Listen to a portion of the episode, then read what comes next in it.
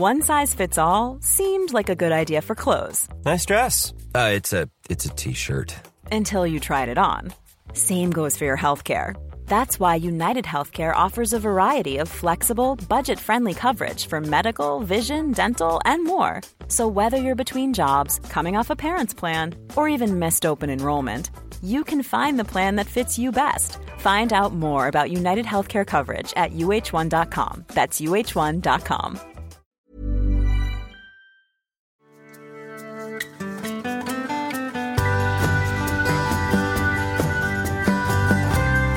Hallå vänner!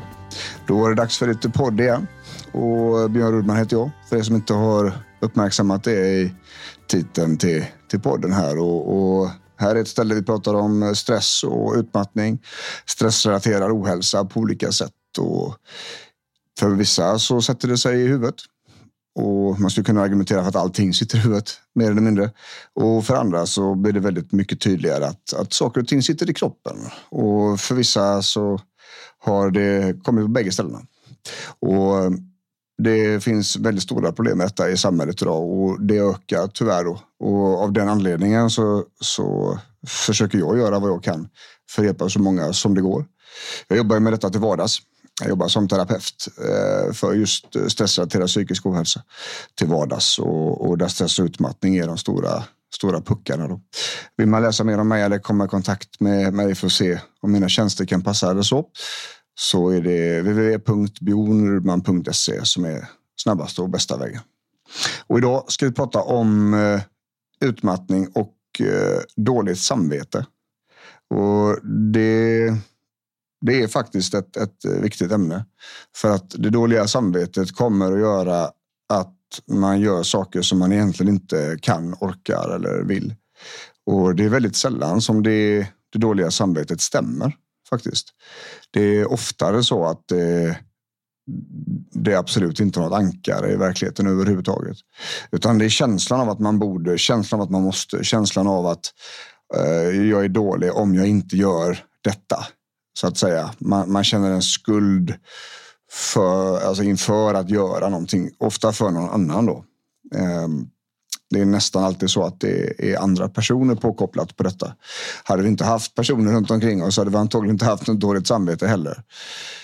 Ehm, så att det här är en del i, ska vi säga, det här är ett ämne i en större bild kan man säga. Och det dåliga samvetet, det grundar sig i känslans skuld. Eh, och när det gäller stress, utmattning och liknande så är det väldigt, väldigt vanligt att eh, det finns stora, stora problem och stora mängder skuldkänslor i, i hela situationen. Av flera olika orsaker. En stor del är att, att man är uppfostrad helt enkelt så att det ska vara på ett visst sätt. Och är det inte det så är det dåligt, då borde man ändra det. Eh, man, man har liksom fått till sig att man måste vara på ett visst sätt. Man ska göra på ett särskilt sätt. Och, eh, hela grundinställningen liksom, när man var liten var att, eh, att man är skyldig att göra lite mer som alla andra säger och alla andra är viktigare liksom, och, och därför så är jag skyldig att agera utifrån det. Då. Och det här är någonting man tar med sig in i vuxenlivet och, och fortsätter på helt enkelt och, och det kan ha funkat. Och, Tyvärr är det väl också så på samma gång att, att eh, samhället tycker att det här är kanon. Människor som är väldigt tjänstvilliga och som vill hjälpa till och som vill vara framåt och eh, liksom sådär va, eh, är ofta väldigt uppskattade i grupper och i, i liksom arbetskontext och i, i vänskapsgrupper och sådana här saker. Och det gör att det är väldigt, väldigt svårt med balansen. För att när jag väl måste säga till, säga ifrån, när jag inte orkar, när jag måste dra en hälsosam gräns och samtidigt då få dåligt samvete när jag ber om det jag behöver och, och har rätt till, då, då är det svårt. va ehm, och, och därav är det dåliga samvetet. Det, det, är, det är väldigt vanligt förekommande och det hindrar också oss från att må bättre eller från att må bra. Ehm, det kan också skapa situationer där, där det faktiskt blir sämre. Rent utav. Och det här är ju väldigt stora penseldrag jag pratar om nu och, och det ser ju olika ut för olika personer, olika situationer skulle jag säga. Ehm, men det finns saker att göra åt detta med detta. Ehm, en sak som jag brukar, liksom, när jag får detta, när jag får dåligt samvete för att jag har sagt nej eller sådär, vilket jag också får. Ehm, och eh, alltså merparten av alla mina patienter har det så här, ska jag kunna säga.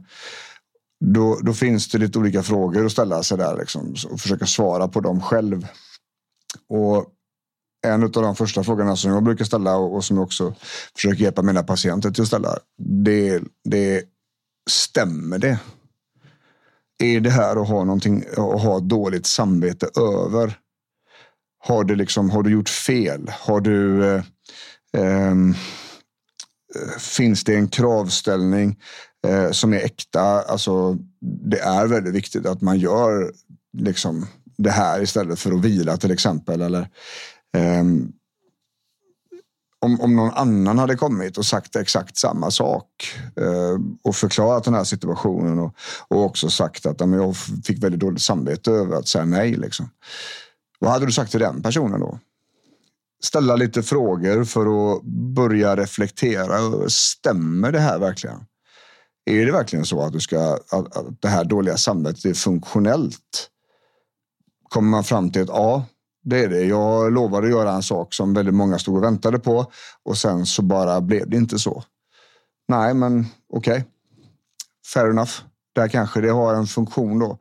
Ehm, där kanske vi ska få lite skuldkänslor så vi kan rätta till det som vi har åstadkommit. Ehm, men i de allra flesta fallen så är det inte så. I de allra flesta fallen så, så handlar det om att det är, det är en känsla av att, att det är fel. Det är en känsla av att det här är någonting att vara bekymrad över och ha dåligt samvete över. Att det, det är en känsla av att du är skyldig någonting i den här situationen mot den här personen, de här personerna eller i själva sammanhanget. Då. Och det är ganska sällan ska jag säga som det stämmer. Och att börja hjälpa huvudet och, och se detta, att det faktiskt inte stämmer, kommer vara en av grundpuckarna så att säga för att förändra alltihopa. För dåligt samvete, det konsumerar jättestora mängder energi. Och det, det driver på liksom negativa scenariot. Det driver på liksom obalansen. Det driver på att saker och ting kliver över dina gränser. Det, det, det, det är en stor del i en negativ spiral. Att börja argumentera emot det. Att börja försöka utmana huvudet och bara, äh, är det inte alls säkert att det här samarbetet stämmer nu. Är det så? Eller är det bara så att det här är en grej som jag tidigare har känt att jag måste göra för andra.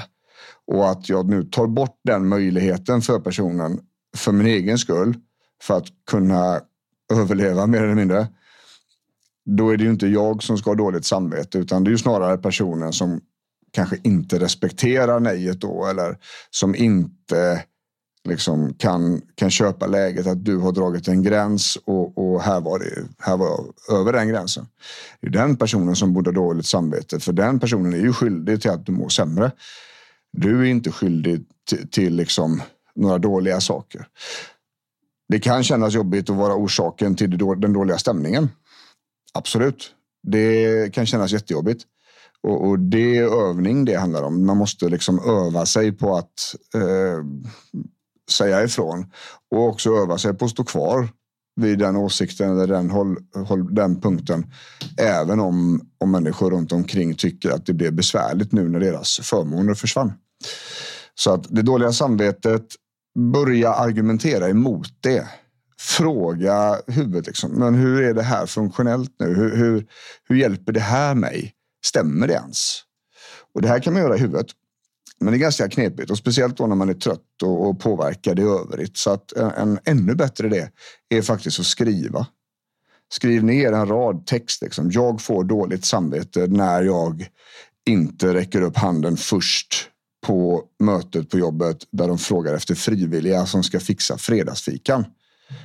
Då får jag dåligt samvete. Okej.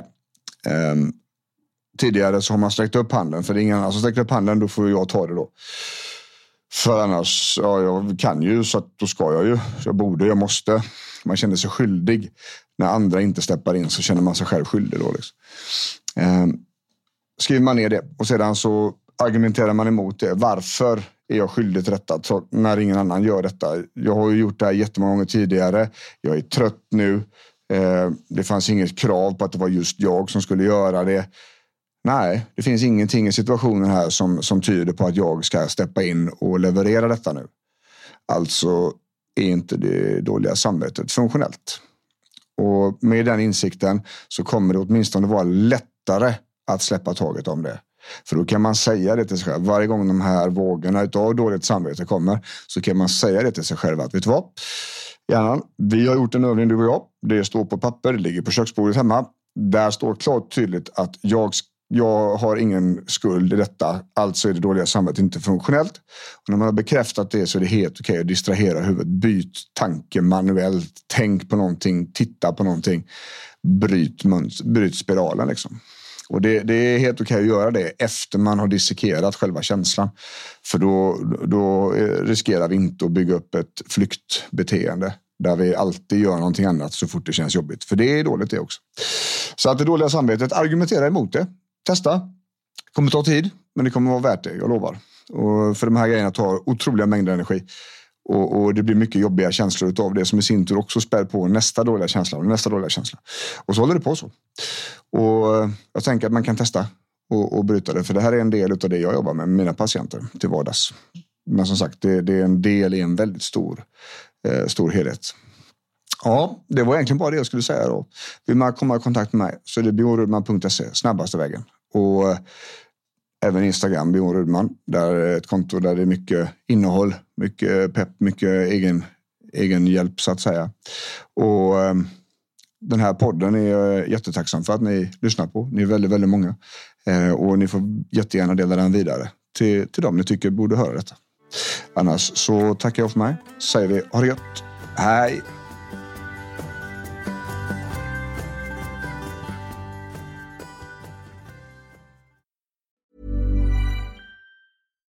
Hey, it's Paige DeSorbo from Giggly Squad. High quality fashion without the price tag. Say hello to Quince.